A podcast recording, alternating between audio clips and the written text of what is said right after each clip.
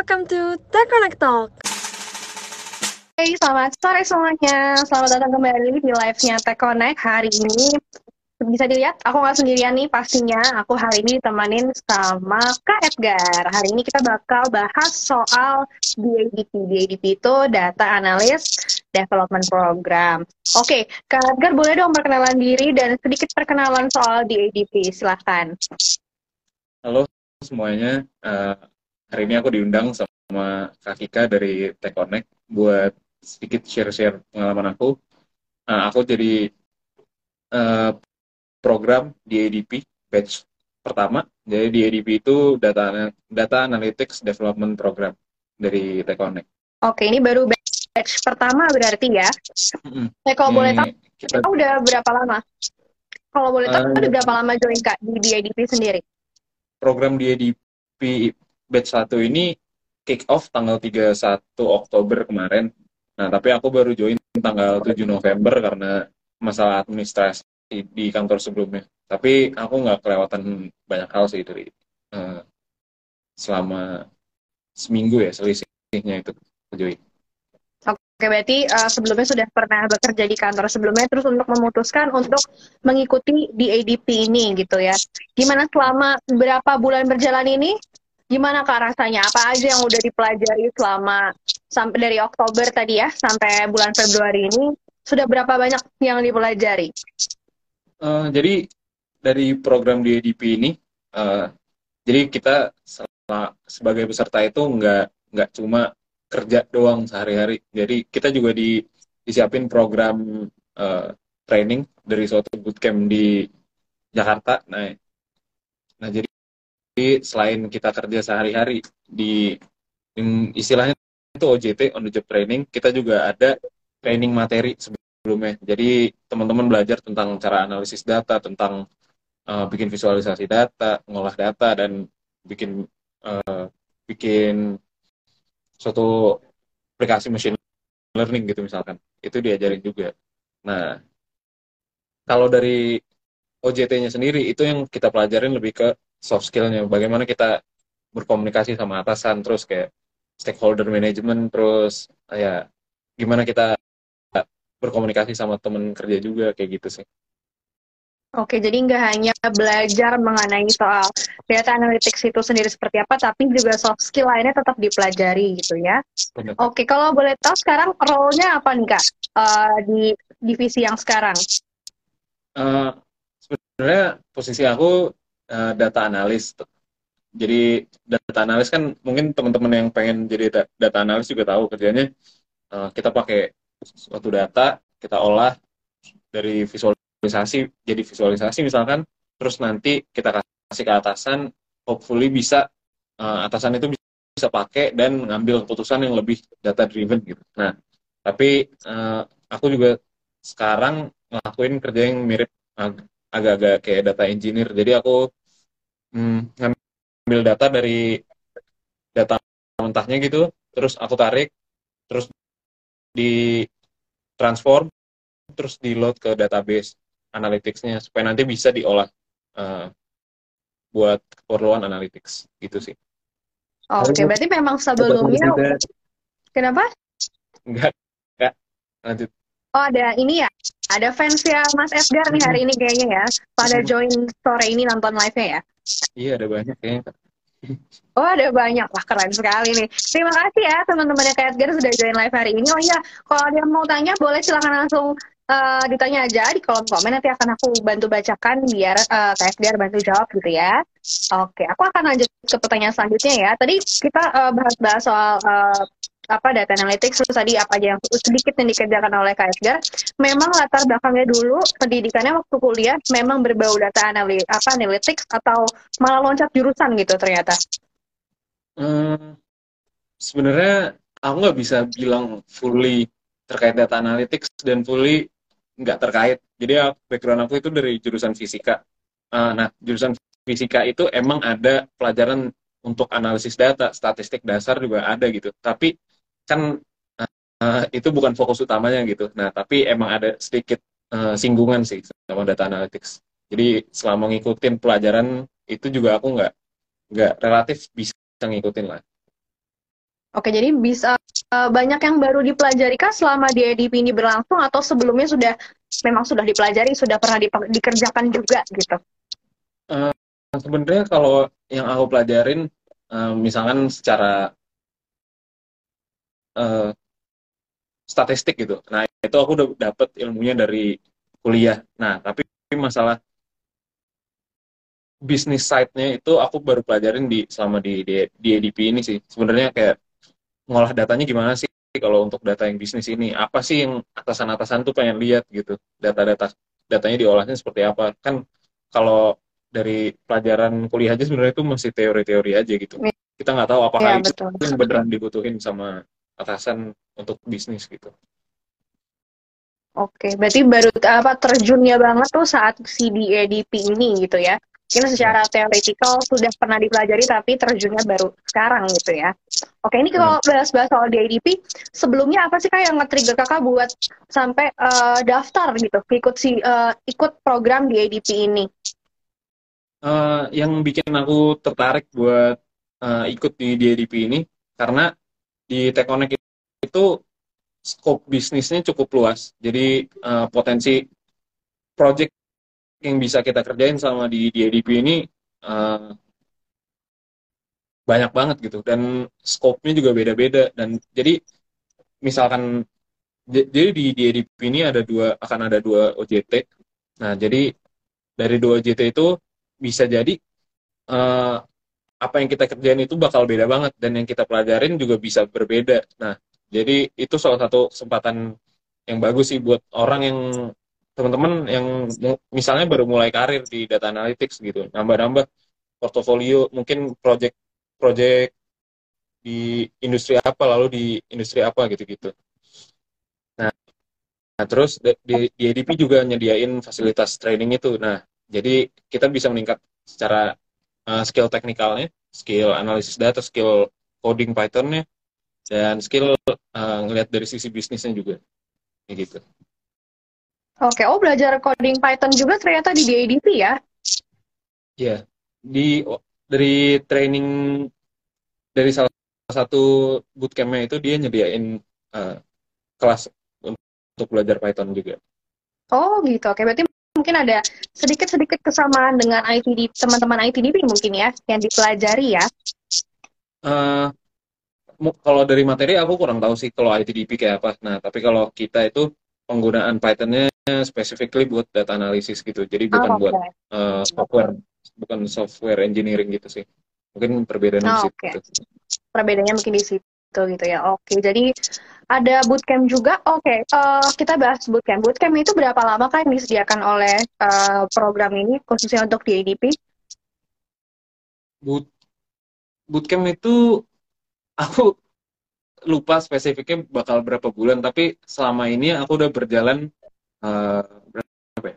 udah jalan empat bulan mungkin jadi programnya mungkin masih ada satu bulan atau dua bulan lagi maksimal nah jadi kira-kira lima sampai enam bulan sih bootcampnya oke jadi untuk pro ini, program didiknya setahun juga ya ya untuk program di EDP-nya itu sih setahun ya Oke, kalau gitu. Nah, uh, setelah uh, ini nih kita bahas soal kan tadi ada bootcamp juga, dapat materi gitu ya. Nah, selama si bootcamp ini kan pastinya juga dapat project-project dari uh, eh, OJT pertama gitu ya, dari dari apa divisi yang sedang sekarang gitu ya. Itu tuh gimana cara ngatur uh, pekerjaannya gitu kan? Ada bootcamp, tapi satu sisi juga harus ngerjain project. Itu gimana tuh biar uh, seimbang gitu jalannya? Uh, kalau aku mungkin aku cara ngaturnya itu jadi untuk training yang bootcamp itu jalannya dari jam 8 pagi sampai jam 12 siang. Nah, setelah itu istirahat sampai jam 1, baru kita lanjut kerja lagi di uh, tempat OJT. Nah, jadi untuk kerjaan yang OJT itu aku selesain uh, khusus di jam kerja aja. Nah, nanti setelah jam kerja beres, aku bisa kerjain uh, project yang ada dari bootcamp gitu. Jadi, uh, uh, alhamdulillah sampai sekarang sebenarnya nggak saling tumpang tindih sih mereka nggak saling apa ya maksudnya jadi nggak saling tumpuk gitu kerjaannya uh, karena di selama ini juga aku kerjanya tuh cukup work life balance-nya bisa dibilang ya kejaga lah gitu. Masih aman ya work life balance-nya ya. Masih aman, Sejauh masih ini aman. ya. Oke. Semoga Nah, terus. kita bahas bahas bahas project selama empat bulan ini nih ada satu project yang menarik banget nggak gitu yang lagi dijalanin menarik eh, dalam artian aku belum pernah ngerjain sebelumnya. Nah, aku- Ya. sebelumnya zaman kuliah itu aku eh, ya bisa lah pakai Python terus eh, ngambil data dari Kaggle. Kaggle itu website buat eh, ngambil data gitu di internet. Teman-teman yang pengen jadi data analis pasti tahu lah. Eh, terus bikin bikin dashboard gitu dari Kaggle. Nah, tapi kan eh, selama aku OJT ini ternyata kemungkinan besar eh, perjalanan buat bikin dashboard tuh nggak seindah itu gitu. Jadi di, di mana datanya tuh udah siap dipakai, terus tinggal bikin dashboard aja. Nah, kenyataannya itu datanya itu mesti kita ambil dulu dari suatu sumber kan. Datanya mesti disiapin segala macam. Nah, jadi project aku sebelumnya sebelum bikin dashboard tuh aku ngelakuin itu eh, proses ETL kalau teman-teman tahu itu namanya eh, extract, transform, load. Jadi eh, nge-extract data dari suatu dat- eh, sumber data, terus kita transform, terus kita load, kita load ke suatu eh, storage data, data warehouse gitu lah, BigQuery misalkan atau SQL Server atau apa pun lah itu. Nah, kayak gitu sih. Itu pengalaman yang baru buat aku buat belajar seperti itu. Jadi memang belum pernah dan baru uh, benar-benar dilakukan saat di ADP ini gitu ya. Oke, nah ini uh, tadi itu sedi- udah sedikit uh, ngasih tahu berarti ya sedikit langkah-langkah buat mengolah datanya gitu ya. Nah itu kalau datanya diolah kembali biasanya tuh gimana kak? Biar jadi kayak insight buat perkembangan bisnisnya perusahaan gitu biasanya apa yang dilakukan? Tools-tools apa yang biasanya common digunakan selain mungkin yang tadi disebutkan yang biasa digunakan oleh data analytics. Mungkin teman-teman di sini ada yang kepo juga data analytics tuh biasanya ngolahnya gimana sih pakai tools apa aja gitu. Boleh dong nggak dikasih tahu sedikit? Kalau yang aku lakuin selama OJT ini sebenarnya tools yang dipakai itu BigQuery. BigQuery itu data warehouse di mana data yang udah kita tarik, kita ekstrak tadi itu disimpan. Jadi di BigQuery itu eh, database-nya udah siap dipakai buat keperluan analytics gitu.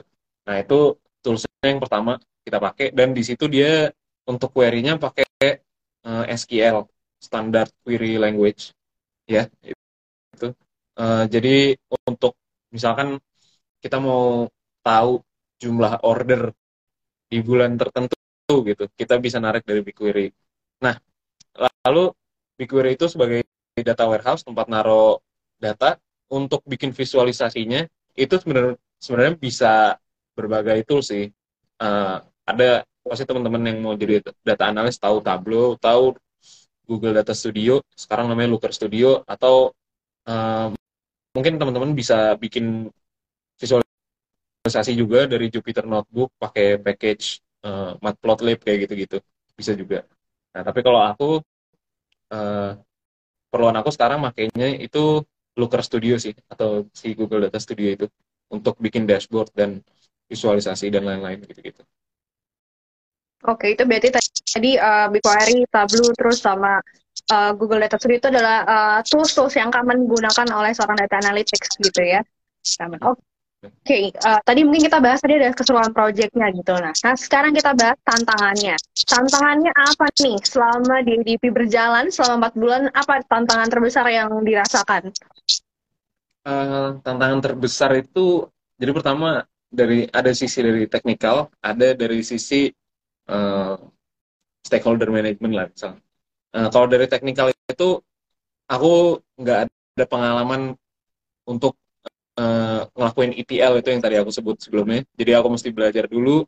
Nah terus selain itu contoh masalah lainnya itu misalkan kita mau bikin suatu dashboard dan kita udah tahu datanya yang database yang akan kita gunakan tuh kita katakanlah data database A. Terus kita lihat database A. Ternyata database-nya itu uh, uh, strukturnya masih kurang rapi gitu. Banyak data yang kosong, banyak table-table yang perlu kita join tapi nggak bisa kita join. Nah, jadi kita perlu mikirin hal-hal kayak gitu, cari solusinya. Nah, untuk cari solusinya mungkin kita perlu kontak tim lain gitu, tim IT uh, untuk coba fix masalah ini. Jadi kita perlu ngomong juga sama uh, tim-tim divisi lain. Terus dari stakeholder management, uh, misalkan kita disuruh diminta bikin dashboard sama atasan, itu pasti dashboard itu ada requirements-nya. Terus kita bikin sesuai requirement, tapi ternyata pas udah disampaikan uh, mereka masih kurang sesuai, jadi kita masih uh, ketika suatu prototype dashboard itu udah jadi tapi belum cocok, terus dirasa apa metrik-metrik bisnisnya masih kurang lengkap atau datanya datanya mungkin malah nggak benar juga gitu. Nah itu masalah-masalah kayak gitu sih yang bisa dihadapin selama jadi data analis gitu. Oke, nah biasanya uh, kakak menanganinya gimana? Menangani uh, tantangan itu mungkin kan pasti kadang-kadang terasa ada kayak ada sedikit pressure gitu. Nah itu kembali ke diri sendiri gimana cara menghadapi tantangan untuk menyelesaikan semua permasalahan yang ada gitu. Uh, buat nyelesain masalah ini, jadi kebetulan aku kerja bareng temen juga. Nah jadi kita coba uh, omongin dulu lah sama temen ini, sama temenku, kira-kira gimana kita bisa nyelesainnya siapa yang perlu kita kontak buat uh, beresin masalah ini gitu. Nah terus ya, ya oke, okay. terus kita kontak. Habis itu ketika masalahnya sudah beres ya udah kita lanjut lagi kerjanya. Dan kok dan kalau misalnya ketemu problem lagi gitu, mungkin dari pihak pihak lain atau mungkin kita lihat uh, dari sisi database juga ada yang error gitu atau salah bagaimana ya kita bisa kontak lagi sama orang-orang terkait. Jadi ya sebenarnya selain skill tadi coding segala macam itu kita penting juga buat uh, bisa mengkomunikasikan masalah kita ke orang-orang yang terkait gitu sih. Oke. Jadi harus pintar bersosialisasi juga ya, biar bisa uh, bekerja samanya juga lebih baik gitu ya. Oh berarti uh, tadi aku sempat uh, kalau nggak salah dengar uh, kakak sempat apa kalau misalkan lagi cari solusi untuk menyelesaikan masalah diskusi dengan teman. Nah itu uh, berarti kalau di DADP sendiri uh, project itu sendiri-sendiri kah atau projectnya uh, bersama-sama atau gimana? Ada kayak kerja kelompok kayak kuliah gak sih kalau di di ADP itu? Pertama, uh, uh, jadi di Tekonek itu selama di ADP ada ada bak bakal dua project. Project yang pertama itu dari tim bootcamp sama tim dari OJT. Nah, nah yang dari tim bootcamp itu uh, project itu dikasih buat masing-masing. Jadi uh, emang individu tugasnya, tapi ya itu nggak menutup kita buat tetap apa ya saling tukar ide gitulah sama temen terus yang kedua itu project OJT project OJT itu mungkin aku nggak tahu ya aku nggak bisa bicara buat semua temen di RIP tapi bisa jadi ada yang kerjainnya bareng atau bisa juga uh, projectnya itu buat individu gitu oke kalau gitu. Nah, ini kayaknya tadi aku sempat lihat nih kayaknya live-nya lumayan yang kamen gue lumayan banyak nih ya. Aku mau intip-intip dulu nih siapa aja yang join hari ini. Oh ini ada yang uh, komen juga nih. Ada dari Mas Granditama tuh, wah dikasih applause. Thank you loh, Kak Edgar dikasih applause. Sama ada dari Mas Aditya Perkasa tuh, Go Edgar. Wah ini fansnya Kak Edgar banyak ya hari ini ya yang join gitu. Oh iya teman-teman yang baru join selamat datang juga ya di live ET Connect. Tenang, kita masih masih akan tanya-tanya kok belum selesai. Jadi silakan tunggu dan silakan ikuti obrolan kita berdua soal DADP gitu ya. Oke teman-teman juga kalau ada yang mau tanya atau kepo-kepo soal DADP itu ngapain aja sih, apa aja yang dilakuin, bagaimana gitu? Silakan tanya di kolom komen. Nanti akan aku bantu tanyakan ke Kak Edgar. Ya. Oke, aku lanjut tanya nih.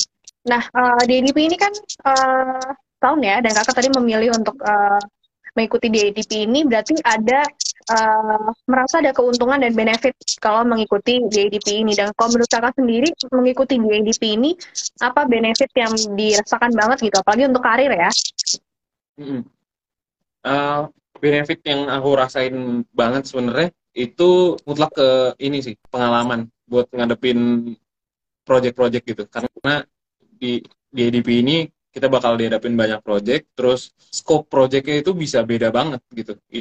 Bidangnya itu bisa beda banget. Jadi itu buat seorang data analis, portofolionya itu uh, akan bagus banget sih karena uh, project yang kita kerjain itu bukan cuma itu-itu aja gitu. Bisa berbagai banyak industri yang bisa kita kerjain sama di program di EDP ini.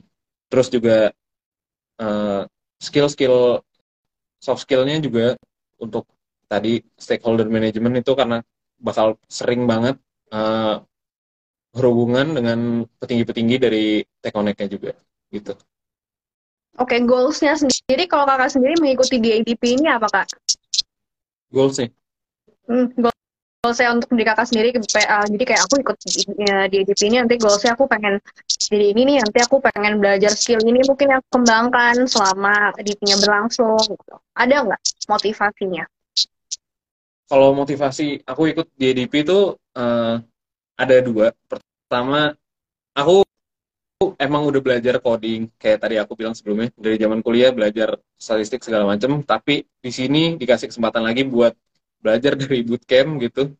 Bootcamp ini gratis dibiayain T-Connect. Nah jadi kita bisa benar-benar belajar dari situ. Terus aku juga uh, hitungannya sih masih fresh grade ya. Aku kerja sebelum masuk di DP itu masih di bawah setahun lah pengalamannya nah jadi aku ingin belajar banyak juga untuk perkembangan karir aku gitu sih kak. Oke, okay. uh, apa namanya untuk skill sendiri nih? Ada nggak uh, satu skill yang kakak pengen pelajarin banget di DADP ini, pengen dapat banget gitu, dan pengen ngembangin banget di skill ini di DADP? Oke, okay. uh, uh, jadi selama di ADP itu, waktu itu aku pernah ngerjain suatu dashboard, nah, terus ketika ditunjukin uh, ke atasan, katanya ini masih belum memberikan insight gitu buat buat kita para buat para petinggi gitu. Jadi skill yang pengen aku tingkatin itu gimana cara seorang data analis bisa nempatin dirinya jadi orang bisnis yang akan pakai dashboard itu. Jadi ngelihatnya hmm. kalau saya orang bisnis di dashboard ini apa sih yang mau saya lihat? Apa sih yang informasi yang kita butuhin supaya bisa ngembangin bisnisnya gitu.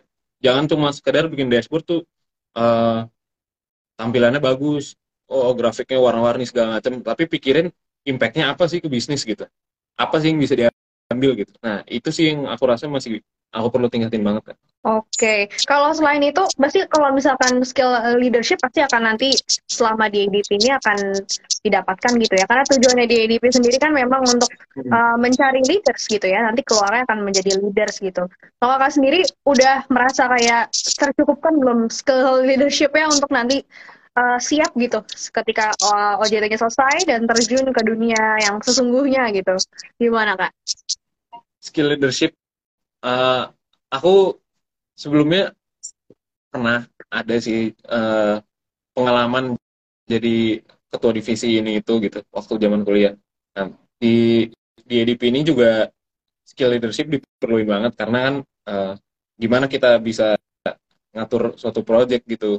Uh, karena itu kan perlu skill kita perlu ngelit orang ataupun diri sendiri buat nyelesain project itu sesuai uh, deadline waktunya dan deadline impact bisnisnya gitu. Oke, jadi memang itu diperlukan juga, tapi memang basicnya sebelumnya sudah pernah mendapatkan, jadi bisa uh, inilah ya dipergunakan saat di edisi ini juga ya skill leadershipnya gitu ya.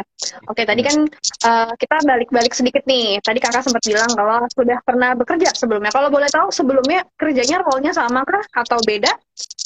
Um, beda jauh sebelumnya. Oh, sebelumnya aku kerja di salah satu e-commerce yang cukup terkenal di Indo. Uh, nah, aku jadi business development di sana.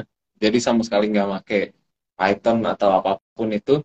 Terus sempat kerja juga sebentar di perusahaan investment jadi investment analyst. Oke, nah itu tadi menarik nih. Bekerja di kantor sebelumnya uh, dengan background uh, yang berbeda ya dengan uh, company yang sekarang. Terus uh, role-nya adalah business development. Nah ini apa triggernya sampai ini loncat ya? Berarti ini kan berbeda ya. Satu business development, satu data analytics. Apa gitu? Uh, motivasi motivasinya buat pindah gitu, pindah pekerjaan dan pindah role juga gitu. Uh, motivasi aku sebenarnya karena dari zaman kuliah juga aku udah dari program yang lebih lebih ke analytics gitulah, lebih ke analis. Nah, terus aku juga udah punya bekal skill dari zaman kuliah, terus aku belajar sendiri juga. Ya, aku ngelihatnya passion aku lebih ke uh, data analytics dibanding business development, simpelnya gitu sih. Oke, berarti itu ada sempat ada kesulitan uh, kesulitan iya ada kesulitan atau tantangan gak sih pas changing karir gitu ya ada nggak kesulitan itu dari sebelumnya business development ke data analytics atau malah sebelumnya kan memang sudah berhubungan dengan data ya. Terus uh, bekerja so, sebagai seorang business development apakah sempat ada uh, kesulitan? Uh, justru aku melihatnya bukan kesulitan.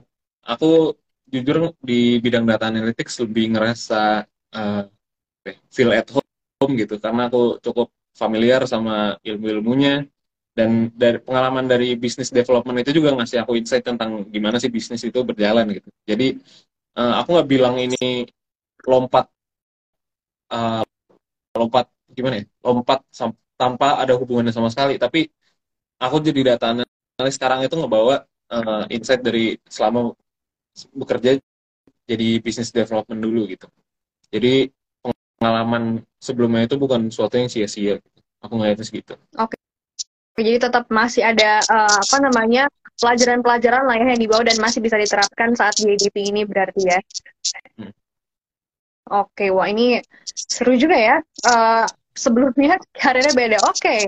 Nah, kalau misalkan ini nih saran buat teman-teman mungkin uh, sekarang di luar sana yang mau mengikuti uh, di EDP, ada nggak sih saran untuk kayak fundamental apa sebelumnya harus dimiliki sebelum mengikuti uh, di ADP ini mungkin uh, hard skillnya harus punya apa atau soft skillnya dimiliki itu apa sebelum mendaftarkan diri ke di ADP ini? Uh, saran aku misalkan teman-teman ada yang mau jadi data, data analis, uh, misalkan nanti akan ada lagi di ADP batch 2 gitu. Nah teman-teman yang uh, mungkin kayak aku bukan berasal dari bidang data bukan lulusan matematik atau bukan lulusan computer science itu jangan jangan takut buat coba gitu.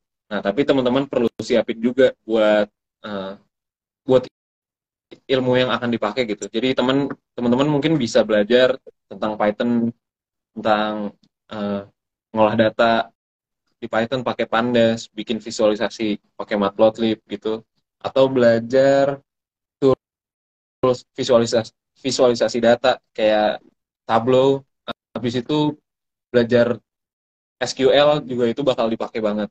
Nah, tapi teman-teman sekali lagi kalau bukan dari background yang spesifik ke data analis, nggak usah takut untuk coba sih. Gitu.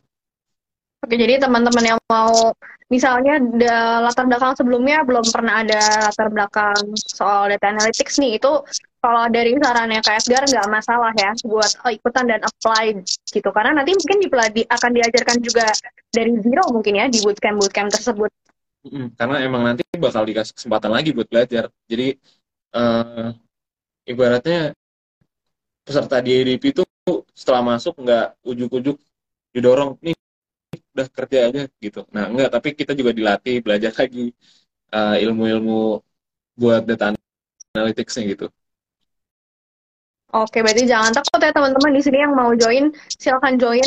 Eh, nggak uh, mengerikan kok. Kayaknya kan aku berarti backgroundnya harus data banget nih. Enggak, berarti teman-teman yang lain bisa nih join dengan latar belakang apa pun. Asal memang mungkin kayak ada ketertarikan di sana, gitu betul ya kak? Atau mungkin malah kalau lebih baik sudah punya skill terlebih dahulu, sudah bisa mengoperasikan tools-tools yang disebutkan tadi juga gitu ya. Oke. Uh, aku mau tanya juga nih, ini kan uh, pasti teman-teman yang ikut di IDP banyak yang masih fresh grade. Ke, tadi Kak Edgar juga sempat kalau uh, mention kalau Kak Edgar bisa di terhitung fresh grade gitu ya. Bisa boleh ngasih tahu ini nggak Kak? Kayak saran mungkin ya untuk teman-teman yang fresh grade yang lagi cari kerja mungkin atau yang sedang mengikuti hmm, apa namanya MT atau development program seperti Connect ini ada nggak uh, kasih saran mungkin boleh cara adaptasinya gimana sih gitu. Karena biasanya kalau fresh graduate kan masih bingung ya adaptasi adaptasi di dunia kerja gitu. Terlebih adaptasi saat manajemen trainee gitu. Biar mereka bisa tetap keep up dengan kerjaannya gitu. Boleh kak silakan sarannya.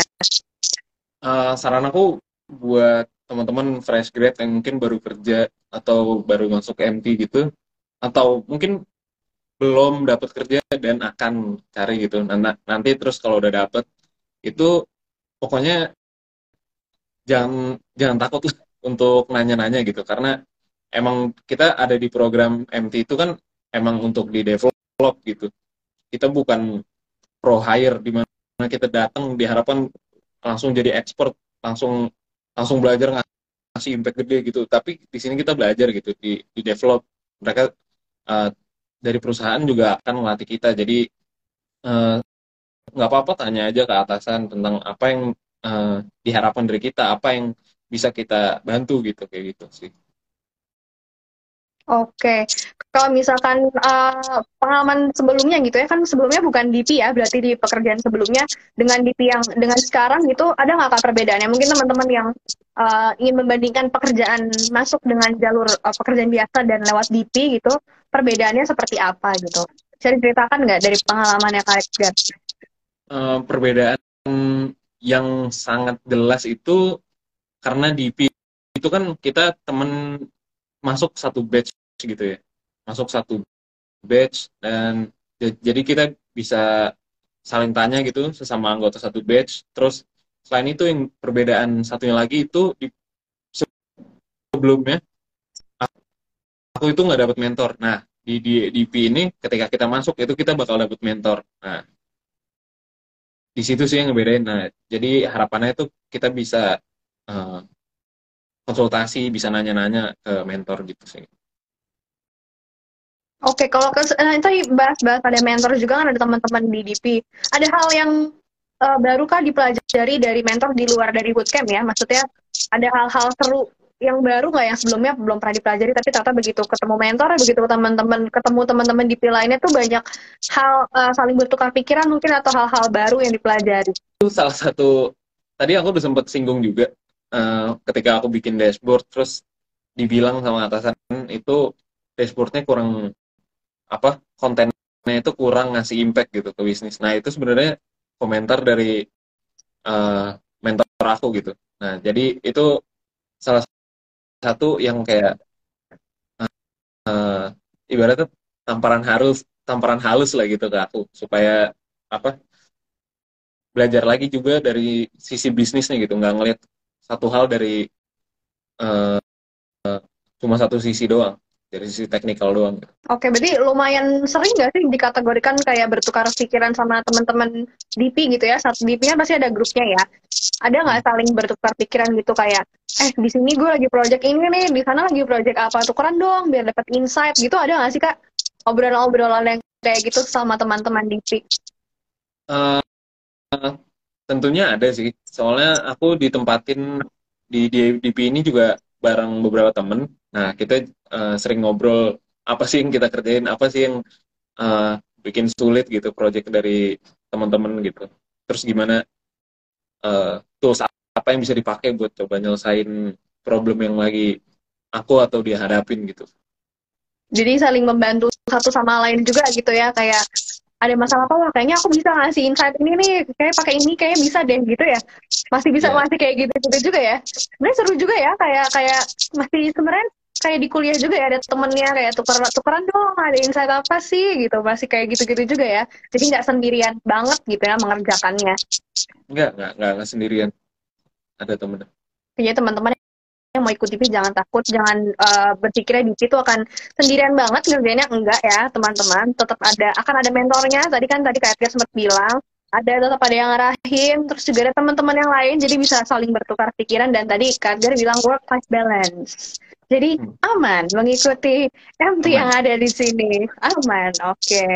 Oke, okay, Kak, mungkin uh, ini teman-teman di sini ada yang mau bertanya mungkin tentang uh, itu apa, gimana sih gitu. Mungkin ada yang penasaran, mungkin ada yang mau tanya uh, di ADP di di Tekonnya kayak apa sih proses masuknya? Boleh loh teman-teman, silahkan langsung nanya ya. Silakan Oke. Okay. Teman-teman, biar aku nggak diem doang. Oke. Okay. Kalau misalkan kemarin pas proses rekrutmennya kalau boleh tahu nih Kak, uh, tahu dari mana soal si DADP ini? Ada lowongan di ADP ini tahu dari mana? Uh, waktu itu aku uh, dapat informasinya itu dari LinkedIn.